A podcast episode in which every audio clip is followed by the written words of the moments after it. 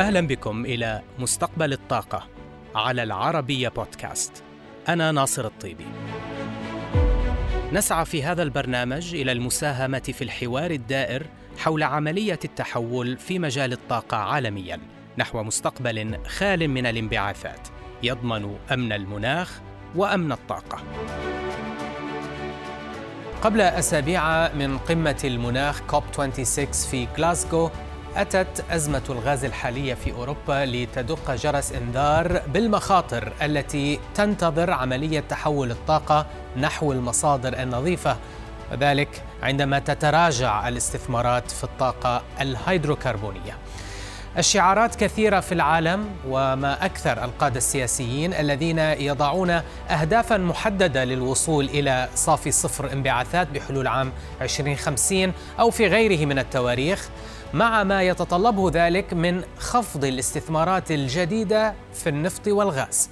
لكن حين يحل الشتاء بلا كميات كافية من الغاز للتدفئة ولتشغيل مصانع الأسمدة والمواد الغذائية تتغير الحسابات راسا على عقب وتتحول الجهات المشهورة بالضغط لخفض الانبعاثات فجأة إلى المطالبة بزيادة إمدادات الغاز للجم ارتفاع الأسعار. وكالة الطاقة الدولية مثلا طالبت روسيا بضخ المزيد من الغاز إلى أوروبا وحضتها على إثبات نفسها كمزود كمزود يعتمد عليه. المفارقة نفسها حدثت في أسواق النفط فالرئيس الأمريكي جو بايدن المتحمس جدا لخفض الانبعاثات خرج قبل أسابيع ليطالب أوبك بزيادة الإنتاج للحد من ارتفاع أسعار البنزين. لكن هذا الخطاب الذي يريد الشيء ونقيضه لا يمكن أن يستمر طويلا لأنه قد يضع العالم أمام واقع لا يمكن إصلاحه بسرعة. فانسحاب الشركات العالمية الوطنية والكبرى تدريجيا من قطاع الهيدروكربون يمكن أن يتسبب بفجوة في الاستثمارات الضرورية لتلبية الطلب على الطاقة مستقبلا. الطلب على الغاز المسال مثلا من المتوقع أن ينمو بنحو 53% بين العامين 2020 و 2030 وفق تقديرات وود ماكنزي ليصل إلى 560 مليون طن سنويا بينما الطاقة الإنتاجية الحالية والتي هي قيد الإنشاء لن تتجاوز 515 مليون طن سنويا بحلول عام 2030 ما يتطلب استثمارات إضافية لطاقة إنتاجية بنحو 45 مليون طن سنويا. وهذا رقم ضخم جدا. مأزق إضافي تتسبب به أزمة الغاز الراهنة في أوروبا وهي أن شركات توليد الكهرباء هناك تتحول إلى الفحم الحجري عندما ترتفع أسعار الغاز كثيرا. لكن هذه المرة تشهد إمدادات الفحم أيضا نقصا وارتفاعا في الأسعار بسبب تراجع الإنتاج من المناجم الأوروبية وارتفاع الطلب الصيني. وكل ذلك دفع شهادات الكربون المتداولة للارتفاع من نحو 35 دولارا مطلع العام الحالي لتتداول فوق 60 دولار مطلع هذا الشهر الجاري. وهذا سيرفع تكاليف التحول من الغاز إلى الفحم أو حتى إلى النفط. الدرس الأكبر من أزمة الغاز الراهنة أن تحول الطاقة على أرض الواقع أصعب مما يبدو في الخطابات السياسية والمؤتمرات وأن الخطوات غير المبنية على الحقائق والتخطيط السليم ربما يأتي بنتائج عكسية. أزمة الغاز الأوروبية هيمنت على أجواء مؤتمر غاستك 2021 الذي انعقد في دبي هذا الأسبوع وكانت فرصة لنلتقي بالأمين العام لمنظمة أوبك محمد باركندو ولنسأله إن كانت أزمة الغاز الحالية في أوروبا تشكل تذكيرا بأهمية استمرار الاستثمارات في الهيدروكربون قبل أسابيع من انعقاد قمة المناخ كوب 26 في غلاسكو مطلع نوفمبر. Thank you very much Nasser uh, for having me. شكرا لك ناصر على استضافتي وبداية أريد أن أنضم إلى العالم بأسره في تهنئة أنفسنا بنجاتنا من هذه الجائحة وإني آمل أن يكون مؤتمر جاستك 2021 هنا في دبي نقطة تحول في رحلة التعافي مستقبلا.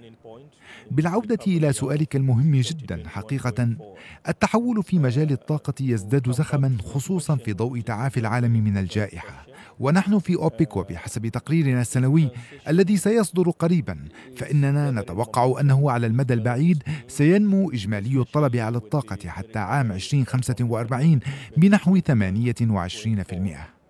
كما نتوقع أيضا أن تبلغ الزيادة في الطلب على النفط حتى ذلك العام نحو 25 مليون برميل يوميا وبرأينا سيشكل النفط والغاز مجتمعين أكثر من 50% من مزيج الطاقة العالمي عام 2045 إذ نتوقع أن الاقتصاد العالمي سيتضاعف حجمه حتى ذلك الحين وسيزداد تعداد السكان عالميا بنحو 20% حيث سيتركز 90% من هذا النمو السكاني في الدول النامية. أما بالنسبة للارتفاعات الحادة التي تشهدها أسعار الغاز في أوروبا حاليا والتي أشرت إليها في سؤالك فهي نتيجة عوامل عدة. لكن أهمها وعلى رأسها ما أسميه العلاوة السعرية للتحول. فالتحول في مجال الطاقة سيصحبه العديد من التحديات. فهناك محاولات مقصودة لمزاحمة الاستثمارات خارج قطاع الهيدروكربون تحت حجة أهداف بيئية واهية لا تقوم على الحقائق ولا على العلم. فالهيئة الحكومية الدولية المعنية بتغير المناخ هي الجهة المختصة التي من المفترض أن توجه وتحدد مسار هذا التحول. ونحن في أوبك نثمن دورها ونتابع عملها بشكل حثيث. فمخرجاتها ممتازة ومبنية على الحقائق والعلم. ولكن للأسف يتم حاليا تنحية استنتاجاتها جانبا في سياق الحوار حول عملية التحول لتتصدر العواطف النقاش بدلا من الحقائق والعلم. بالتالي على الجميع العودة بالنقاش إلى التوجه الرئيسي والتيار العام قبيل انطلاق قمة المناخ كوب 26 في غلاسكو نهاية الشهر المقبل. على العالم الرجوع إلى الأحكام الواردة في اتفاقية الأمم المتحدة الإطارية في شأن تغير المناخ لأنها المرجع الأساس لاتفاقية باريس للمناخ. وبما أن العالم يتجه نحو تطبيق اتفاقية باريس فهناك حاجة للعودة إلى الأساسيات لأن تلك الأساسيات هي الأكثر شمولا والأكثر عدلا بما أنه قد تم مناقشتها والتفاوض حولها من قبل المجتمع الدولي وعلى رأس تلك الأساسيات مبدأ المسؤولية المشتركة لكن المتفاوتة للأطراف كل بحسب قدراته. Uh, that should guide this transition نحن في منظمة أوبك نؤمن بأن للصناعة دورا تلعبه في تقديم الحل ليس فقط لمسألة التغير المناخي بل أيضا لمسألة فقر الطاقة. لأن 80% من المخزونات النفطية العالمية موجودة لدى دول أعضاء أوبك. وكيفية التعامل مع انبعاثات الغازات الدفيئة هو التحدي الذي يواجهه العالم وليس كيفية إبقاء تلك الموارد في باطن الأرض كأصول مهجورة. فليس هناك بديل لأي مصدر من مصادر الطاقة المختلفة. العالم سيحتاج إليها جميعها بما فيها الطاقات المتجددة. لكن ما علينا أن نفعله هو تطبيق تقنيات تهدف للتعامل مع الانبعاثات في مراحل استخراج وإنتاج واستهلاك مصادر الطاقة تلك. إذ إن التغير المناخي هو نتيجة تراكمية للانبعاثات تاريخيا وللتقدم بشكل مستدام مستقبلا على العالم أن يتعامل مع الانبعاثات باستخدام التقنيات. فنحن نرفض السردية القائمة على أن التحول في مجال الطاقة هو تحول من مصدر إلى مصدر آخر. بل إنه تحول أساسه الاستدامه ومكافحة الانبعاثات المضرة بالبيئة. فنحن في الدول النامية أكثر المتضررين والمتأثرين في العالم جراء تبعات التغير المناخي. نحن نعيشها كل يوم. أما على صعيد فقر الطاقة فالأرقام تتحدث عن نفسها. هناك 800 مليون شخص في العالم من دون كهرباء وهذا بحسب وكالة الطاقة الدولية. 600 مليون منهم في دول إفريقيا جنوب الصحراء. 600 مليون. كما أنه من بين المليارين وستمائة مليون نسمة بحسب وكالة الطاقة الذين لا يصلهم وقود طهي نظيف. هناك 900 مليون منهم في دول إفريقيا جنوب الصحراء. ماذا نقول لهؤلاء الناس؟ الأمم المتحدة أجابت على هذا السؤال حيث أقرت وللمرة الأولى الهدف التنموي المستدام السابع وهو الوصول إلى مصادر طاقة حديثة ومستدامة ويسيرة الكلفة. هذا ليس امتيازا إنه حق فهؤلاء الناس أيضا لديهم حقوق. لذا ما نحتاج إليه هو حل واسع وشامل. وإلى حين وقوف العالم لوهلة ليتفكر بالمنطق الذي ننطلق منه وبالحقائق التي تقرها الهيئة الحكومية الدولية المعنية بتغير المناخ ووكالة الطاقة الدولية وأوبك ومصادر مرموقة أخرى. ويعود العالم إلى التوجه العام المنبثق عن مبادئ اتفاقية الأمم المتحدة الإطارية بشأن تغير المناخ التي تشكل الأساس المرجعي لاتفاقية باريس فإن هذا النقاش وهذا الحوار سيكون ناقصا وغير مكتمل. ونحن نريد تحولا شاملا ونريد حوارا يشرك كل الأطراف المعنية. وعلى هذا الحوار ألا تقوده العواطف بل لابد أن يقوده العلم والحقائق. And it should not be driven by emotions. But by science and facts. المشاركة في قمة المناخ في غلاسكو سيكون أو ستكون بالتأكيد مهمة ليست سهلة على الدول المنتجة للطاقة الهيدروكربونية ولكن وقائع عزمة الغاز الحالية في أوروبا تعطي دفعا قويا لمنطقهم بعيدا عن الشعارات والعواطف سألت وزير الطاقة والبنية التحتية الإماراتي سهيل المزروعي عما ستغيره أزمة الغاز لجهة النظرة إلى أهمية الاستثمارات في الهيدروكاربون وكانت هذه إجابته. آه، نحن نعتقد أن آه، سبب ارتفاع الأسعار هو سنوات من عدم الاستثمار في مجال التطوير يعني مشاريع جديدة في الغاز الطبيعي سواء كانت ال LNG ولا pipeline ولا مشاريع الخطوط خطوط انابيب الغاز. هذه السنوات من الانخفاض اللي شهدها سوق الغاز العالمي نتج عنها ان عزوف المستثمرين عن الاستثمار لأن المشاريع ما كانت مجدية اقتصاديا ما عدا المشاريع اللي قامت بها دول. آه الآن نحن نشهد آه ردة فعل فيجب كذلك أن ننظر بعقلانية على الفترة الزمنية التي نحتاجها لتنفيذ مثل هذه المشاريع. أنا أعتقد في مشاريع آه، قادمة مثل نورد ستريم 2 راح تساعد في آه، في آه، يعني معالجة تهدئة يعني الارتفاع بالاسعار ارتفاع الأسعار ليس بجيد للمنتجين كذلك لأن إذا ارتفعت الأسعار زادت المنافسة من المصادر الأخرى الغاز الطبيعي من أفضل أو أو أنظف مصادر التوليد الأحفورية اللي موجودة مقارنة بأي مصدر من مصادر الأحفورية. واليوم ما عندنا يعني آه، مصادر طاقة آه، مستدامة يعني تعطيك 24 ساعة كبيس لود غير الغاز يعني أنظف شيء يمكن يكون الغاز الأحفوري والطاقة النووية طبعا والطاقة النووية طبعا اللي موجودة في بعض الدول. فنعتقد آه، نحن أن السوق راح يشهد يعني تعديل آه، نحو السعر اللي المفروض يكون معقول والسعر هذا يجب أن يكون أقل عن الأسعار اللي قاعدين نشوفها. العام شهدنا كذلك سبايك آه، في مرحلة الشتاء. نحن بعدنا ما وصلنا لمرحلة الحاجة الفعلية للغاز اللي هي فترة الشتاء. ف آه، الأسعار اللي نشوفها هذه غير مستدامة في وجهة نظري وأنا اعتقد أنها بتتعدل بوجود مشاريع نوعية اليوم الحديث في غازتك بين الشركات والمطورين على ضرورة الإسراع من هذه المشاريع وتهدئة الأسواق العالمية عبر آه، يعني إمدادها بالمصادر بالكميات الغاز اللي تحتاجها تحتاجها التطوير في العالم. راح يكون عندنا تقريبا مليار إلى 2045 مليار و800 ألف شخص راح يجون على العالم هذا.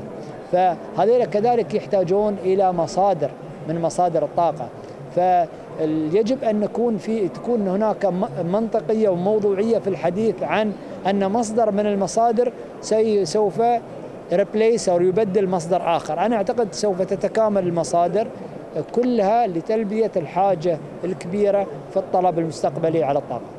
معالي الوزير بالحديث عن حاجات آه، الدول للغاز الإمارات لديها برامج طموحة على صعيد تشجيع آه، الصناعة المحلية ولديكم أيضا ال complex بالرويس مجمع ال petrochemicals بالرويس هذا كله يتطلب إلى كميات أكبر من ال feed gas آه، والغاز وكميات الغاز ك feedstock لهذه الصناعات ما هي خطط الإمارات على صعيد زيادة إنتاجها من الغاز؟ نحن الحمد لله لما نضع خطة لتطوير complexes مثل الرويس وغيره كذلك نأخذ بعين الاعتبار حاجة الشركات العاملة في مجال توليد الكهرباء. آه، الخطة اللي واضعينها آه، أن إن شاء الله راح يكون عندنا كميات كافية من الغاز لتلبية الحاجة الصناعية وكذلك حاجة التوليد. لا تنسى أن عندنا آه، اشتغلت المحطة الأولى لمحطات الطاقة النووية وهذه محطات راح تقلل شوية من اعتماديتنا على الغاز وتعطينا لما تكتمل تقريبا 25% من الطاقة الكهربائية راح تكون في السنوات الأولى عن طريق هذه المحطات. فالوفورات اللي بتكون موجودة في الغاز بالإضافة إلى المشاريع الطاقة المتجددة اللي قاعدة اللي قاعدة تصير بتوصلنا إلى الخطة اللي نحن واضعينها أن راح ننزل من 100% اعتمادية على الغاز قبل سنوات إلى تقريبا 40% آه، أو 38 إلى 40% آه، في عام 2050 هذا طبعا ك percentage لكن ك absolute لا الحاجة راح تزيد. لذلك نحن قاعدين نطور كذلك مصادر أو نطور حقول جديدة في البحر. عندنا مجموعة من الحقول البحرية قاعدين نطورها وراح تعطينا كميات من الغاز وكذلك الغاز الحامض آه، قاعدين نطوره وطورناه وأنتجنا منه.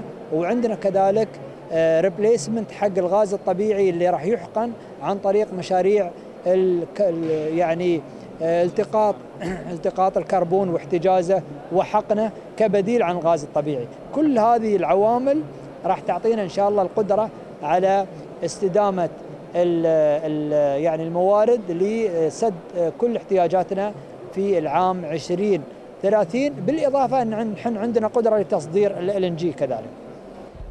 سؤال فيما يخص آه، الموارد المستقبلية. الإمارات أيضا بدأت الآن مؤخرا في الدخول نحو آه، مصدر الهيدروجين الأزرق آه، تحديدا. وهو أحد النواتج أيضا عن صناعة وتطوير صناعة الغاز الطبيعي في الدولة. ما هي خطة الإمارات أو رؤية الإمارات لدور الهيدروجين كأحد المنتجات الطاقة التي ستنتجها مستقبلاً؟ الهيدروجين راح يكون له دور كبير كمصدر من مصادر الطاقة الخضراء آه، ونعتقد أن العالم في المستقبل سوف يطلب منتجات كانت قبل هيدروكربونية ولكنها تنتج عن طريق مصادر طاقة خضراء. فالهيدروجين راح يلبي الحاجة الحاجة المستقبلية لهذا النوع من المنتجات مثل اليوريا اليوريا الخضراء اللي تنتج عن عن يعني باستخدام الهيدروجين. وكذلك ممكن في المستقبل كذلك إذا آه، يعني الصناعة هذه في بدايتها أو التقنيات في بدايتها.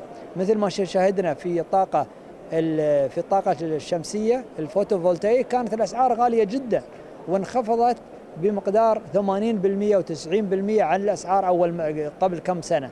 فنحن كذلك آه، نتمنى أن بزيادة الاستثمارات في الهيدروجين راح تقل الكلفة ويصير الهيدروجين ليس فقط الهيدروجين الأزرق وكذلك الهيدروجين الأخضر ممكن يكون من المصادر المستدامة اللي العالم راح راح يعني آه، يستخدمها لتوليد لتوليد مصدر طاقة جديد يساعد مثل ما قلت لك على يعني آه، على رفض المصادر الأخرى. يعني يج... أتمنى أن لا نفكر أن في مصدر راح يبدل مصدر لأن الحاجة كبيرة ونحن ما نعرف قدر الحاجة هذه اليوم آه راح تزيد الاستهلاك راح يزيد الطلب يمكن 60% في السنوات القادمة آه وشهدنا نحن اليوم مثل ما تكلمنا على الغاز الارتفاع اللي صار. فما كان حد قاعد يتكلم عن بدا ارتفاع سعر الغاز في هذه السنوات بهذا بهذا القدر. فاتمنى ما ننظر فقط للأناليست واللي يقدمون الأناليست أن هذا كأن قراءة للمستقبل المستقبل أكثر تعقيدا من ما يقوله المحللين. معالي الوزير هذا بالنسبة للمستقبل البعيد. ماذا عن المستقبل القريب في أسواق النفط؟ أسعار النفط بقيت ما بين السبعين إلى 75 دولار خلال الأشهر القليلة الماضية.